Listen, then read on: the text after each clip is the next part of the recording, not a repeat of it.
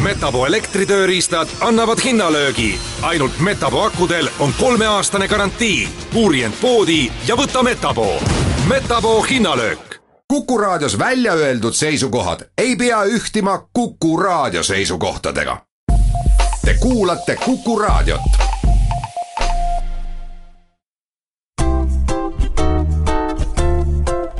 patsiendiminutid. Patsiendiminutid toob teieni Eesti Patsientide Liit. tere, head Kuku raadio kuulajad, eetris on Patsiendiminutid ja teiega on saatejuht Kadri Tammepuu. lisaks olen palunud endale seltsiks Eesti Toitumisnõustajate Ühingu asutajaliikme Triin Muiste. tere, Triin! tere! võtame seekord jutuks söömise, sest äh, homme tähistatakse tervisliku toitumise päeva.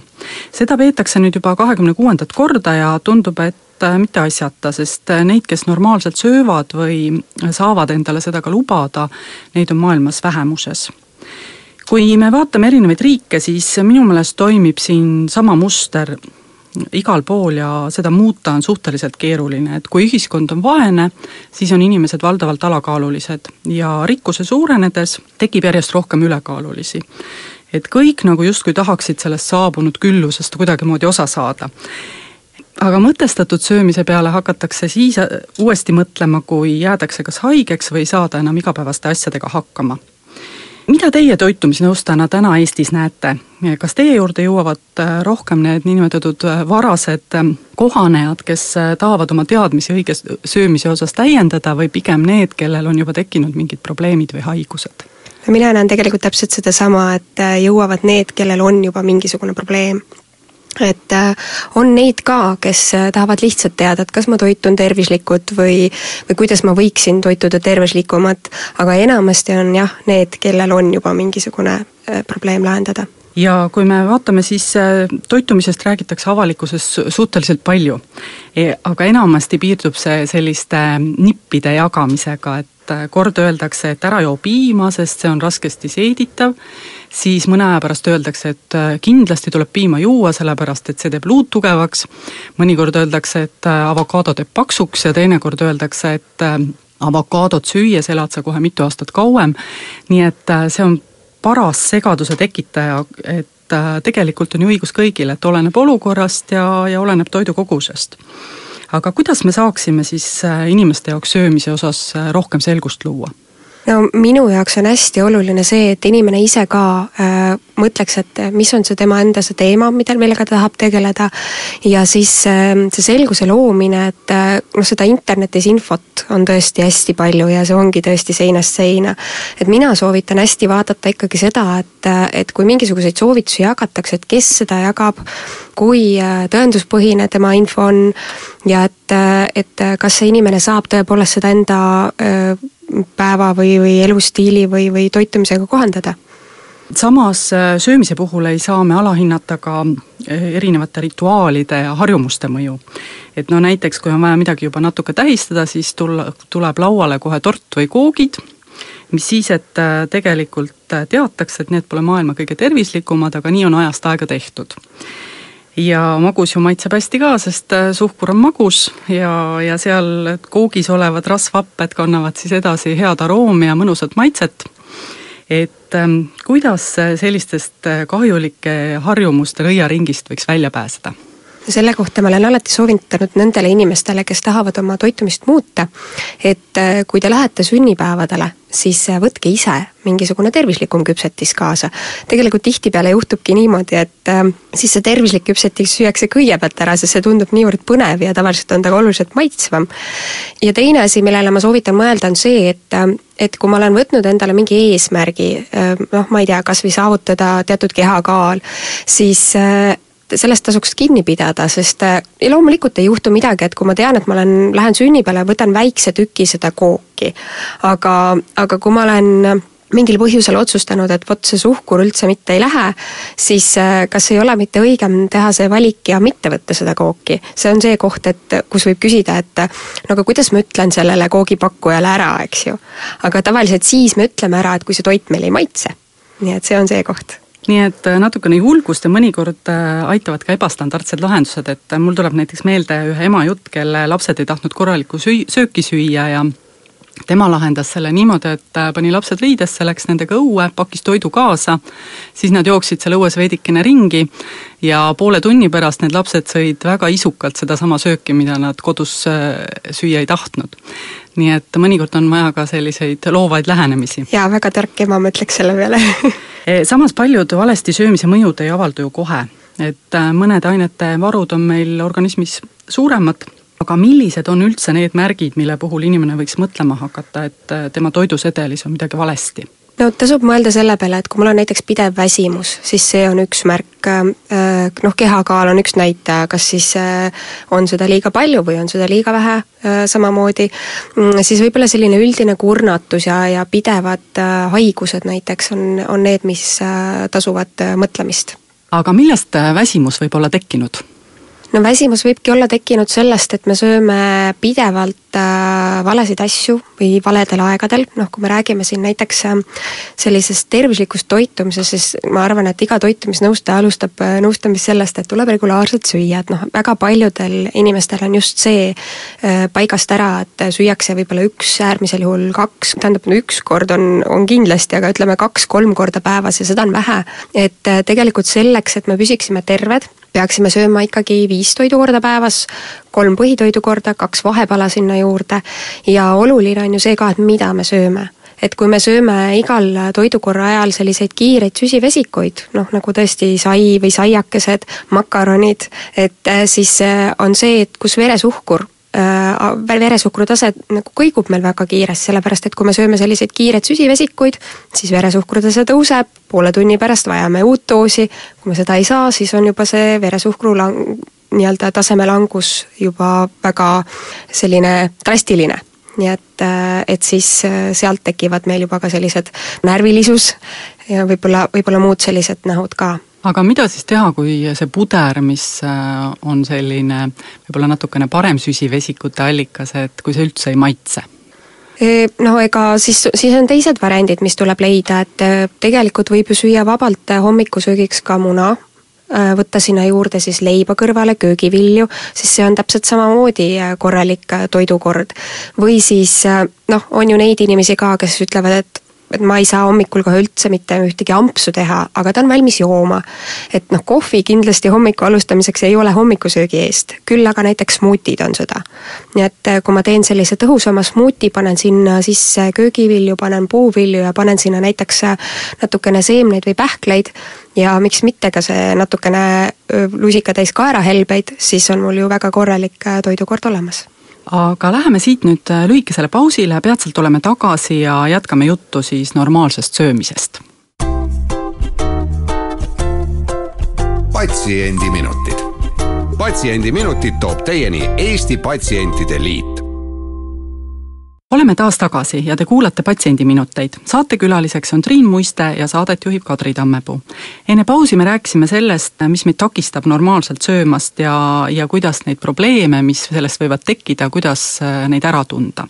ja natukene rääkisime ka sellest, et niinimetatud Ameerika mägede efektist, kus kui eelistada kogu aeg saiakesi ja komme ja küpsiseid, siis tegelikult selle lõppastmes lisaks sellele, et me peame kogu aeg sööma, iga natukese aja tagant hakkab ka kaal tõusma ja kaalutõus ongi üks neist probleemidest, mis paneb äh, inimesi tavaliselt sõna otseses mõttes tegutsema. hakatakse kas jooksmas käima või minnakse jõusaali ja muidugi oleneb kõik nende treeningute intensiivsusest, aga kas ja kuidas peaks siis üks harrastussportlane oma söömist korrigeerima või muutma? noh, kindlasti on oluline see, et isegi kui ma lähen kaalu pärast sinna trenni, siis ei tohi äh, unustada söömist ära et äh, mida mina näen, on see, et äh, inimesed ütlevad, et nii, nüüd ma lähen trenni, et peale, peale tööd jooksen kohe trenni, aga ma unustan seal vahepeal süüa. võib-olla ma teen täiesti teadliku valiku mitte süüa, aga samas tasub meeles pidada, et sellisel juhul ma ei jaksa ka trennis piisavalt nii-öelda vaeva näha. et, äh, et sest mul ei ole seda pagasit all, nii et igal juhul on oluline enne trenni süüa no kuskil kaks-kolm tundi enne trenni kindlasti on vajalik süüa. Ja sellel toidukorra ajal võiks süüa nii süsivesikuid, mis me ütlemegi, on siis äh, kas siis teravili, äh, kartul, midagi sellist, ja sinna juurde siis valku ja köögivilja et äh, see on siis kõige parem kombinatsioon. ja noh, kui tundub, et, et see kolm tundi tagasi oli natukene juba pikk aeg ja tegelikult mul on ikkagi enne trenni kõht üsna tühi, no siis võib ju ära süüa seal ühe mingisuguse, kas juua, juua jällegi mingisuguse kergema smuuti või võtta mingi puuvili sinna juurde, et kindlasti mitte päris tühja kõhuga minna trenni. kaalulangetajatele on üks selline hirmutav sõna ka toidurasvad ja tihti hakatakse tõsiselt siis ka kas siis piirama toidurasvasid või siis äh, ebamõistlikult toituma, et, äh, et üks äh, levinud probleem on just nimelt see küllastamata ja küllastatud rasvhapete vaheline suhe, mis siis ideaalis võiks olla üks-ühele, aga tihti on see kakskümmend korda nihkes piimatoodetest või lihast saadud siis küllastatud rasvhappeid süüakse kakskümmend korda enam kui näiteks siis kas rasvasest kalast või oliiviõlist või pähklitest saadud küllastamata rasvhappeid. milleni selline tasakaalutus võib lõpuks viia? See võib tegelikult äh, veel omakorda viia liigsele kehakaalu tõusule, see on üks asi kindlasti. aga mina ütleks, et mitte päris üks-ühele, vaid isegi lausa niimoodi, et üks-kahele selles mõttes, et rohkem kindlasti küllastamata rasvasid. et noh, just nimelt, et õnneks need sellised ajad on möödas, kui iga teine kaalulangetaja, kes minu juurde jõudis, ütles, et ei, pähkleid ma ei söö, sellepärast et pähklid teevad paksuks. aga siiski on veel ka selliseid olukordi, nii et kindlasti on ääretult oluline tarbida ka loomset valku ja, ja selliseid küllastatud rasvu, aga, aga kindlasti ei saa ära unustada seda, et meil on vaja tarbida näiteks ongi seemneid, pähkleid, võib-olla head kvaliteetset oliiviõli, miks mitte avokaadot tarbida, et ja nende osakaal peaks olema tegelikult suurem. Ja no tõepoolest, kala on kindlasti üks ääretult oluline toit jah, samas äh, kala söömisel on eestlastel veel arenguruumi päris kõvasti. no samas, kui vaadata nagu varasemalt äh, Eesti, eestlaste toitumist, siis tegelikult sõime me oluliselt rohkem kala kui praegu üks põhjus, miks, äh, miks muidugi see küllastatud rasvhapete liigne söömine organismile kahjulik on, on ilmselt ka see põletiku protsesside areng kehas ja see viib lõpuks selleni, et kui on põletikud, siis on liigesed haiged, siis on valus ja siis enam trenni teha ei taha ja, ja see ka ilmselt segab. just nimelt, et see ongi see, kus on see tasakaal paigast ära nii et äh, rohkem tuleb siis äh, vaadata, mida suhu pista, nagu ikka.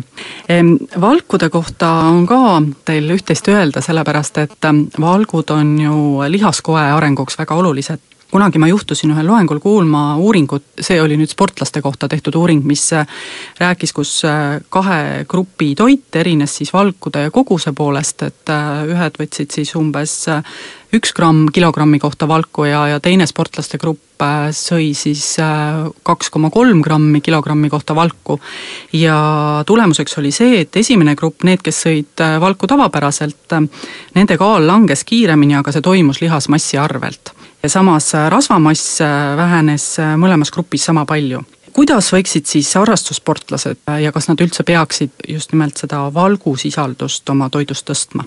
tegelikult mina julgen väita, et kui inimene teeb trenni alla viie tunni nädalas, siis kindlasti seda valgu osakaalu tõsta ei ole vaja.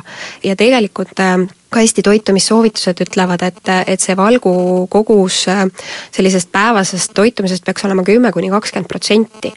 et see ei ole üldse mitte suur protsent ja meie teame nagu seda, et keskmine inimene võiks tarbida kuskil null koma kaheksa grammi kilogrammi kohta, mis ei ole tegelikult palju, ütleme seal kuni üks koma kaks. aga nüüd ongi, et pigem need sellised tõesti teatud alade sportlased vajavad seal rohkem, aga, aga see ka jällegi ei tohi olla nagu meeletu kogus, nii et aga mis valkude puhul mina rohkem äh, peaks silmas, on see, et jällegi meil on vaja nii loomset valku kui taimset valku. nii et äh, kui tahta seda valgukogust suurendada, siis mina soovitan pigem juurde panna selliseid asju, mida me võib-olla ei ole harjunud nii väga sööma, näiteks äh, kaunvilju, et see on see, mille me kuidagi oleme ära unustanud. et liha tarbime küll ja seda sööks nagu veel ja veel, aga, aga just kaunviljad näiteks jaa, see rikastab toidulauda ka. absoluutselt. üks asi, mida harrastussportlased peaksid kindlasti ka jälgima, on ilmselt ka vedeliku tarbimine. ja tihti seostatakse näiteks krampe, mis tekivad treeningul, et oi-oi, sul on magneesiumipuudus. aga mõnikord on see hoopis tingitud näiteks naatriumipuudusest või, või enamasti ikkagi vedeliku puudusest mida siis trenni ajal juua või peale trenni jooma peaks, et kas pigem vett, näiteks isetehtud mahla või, või mingeid spordijooke? Kindlasti mahl ei ole hea valik, kuigi jah, ma rääkisin, et, et enne trenni, et ikkagi on vaja ka süsivesikut, nii edasi, eks ju. et äh, siiski trennijook, põhiline trennijook on vesi. Et seda, seda tegelikult ka sportlastel, loomulikult kui on tegemist maratonidega või väga intensiivsete trennidega, siis äh, tasub mõelda selliste spordijookide peale, spetsiaalsete spordijookide peale, aga muidu tegelikult puhast vett ja noh, ka see, et kui ma näiteks päeva, ma tean, et ma lähen õhtul trenni, siis päeva peale võiks ka natukene rohkem vett tarbida. ja siis äh, kindlasti trennis ka. aga kui on sellist, tõesti sellist rohkem higistamist või, või no ütleme, rahulik treening, mis kestab rohkem kui kaks tundi, siis võib näpuotsaga näiteks äh, tavalist soola lisada oma, oma sellele joogiveele, et see on ka kindlasti hea variant. aga kui äh, on selline väga suur veekaotus, et siis hüpotoonilised spordijoogid on kindlasti hea valik aga mida te arvate näiteks Coca-Colast või Red Bullist, kas need sobivad treeningule? Et sellised karastusjoogid, nagu ma neid nimetan, et need pigem nagu mõjuvad vastupidiselt. et keha saab võib-olla liiga palju seda süsivesikut, see on üks asi, ja teine asi, kui me räägime energiajoogist, siis ta kasutab ära seda meie olemasolevat energiat, see energia ei tule kuskilt äh, tuulest, äh, vaid see on meie enda energia, pärast seda me võime olla veelgi rohkem kurnatumad. Ja see võib kaasa tuua tegelikult ka sellised äh, südamehäired, südame kloppimised, võib-olla isegi tõsisemad probleemid ja kindlasti ka suurema vedelikupuuduse nii et, et sellepärast see ei ole hea valik. nii et kui te võiksite nüüd ühe soovituse algajale harrastussportlasele anda, mis see siis oleks? jookide osas või üldse? üldse et äh, kindlasti, no see soovitus võib-olla oleks selline kompaktne, et äh, number üks, et oleks vesi äh, kindlasti toidulaual ja piisav hulk seda, siis toidu poole pealt äh, soovitan äh, just rohkem rõhku panna sellistele liitsüsivesikutele, ehk siis just nimelt pudrud hommikuses menüüs võiksid olemas olla, rohkem köögivilja, kala ilmselt rohkem, nii et, et kõike mõistlikult. See on ilmselt arukas soovitus ja kui nüüd kellelgi tekkis natuke suurem huvi söömise üle järele mõelda ja kuidas siis söömist võiksid veel mõjutada vanus või aastaajad või haigused, siis võib alustada näiteks info kogumist ka www.toitumisnõustajad.ee kodulehelt. ja meie omalt poolt soovime kõigile ikka tervet talupojamõistust, kui hakkate kaalus alla võtma või soovite muuta oma toidusedelit sellega saabki siis meie tänane saade otsa, täname teid kuulamast, stuudios oli toitumisnõustaja Triin Muiste ja saadet juhtis Patsientide Liidu tegevjuht Kadri Tammepuu. Kuulmiseni järgmisel nädalal samal ajal ja seniks olge terved! patsiendiminutid. patsiendiminutid toob teieni Eesti Patsientide Liit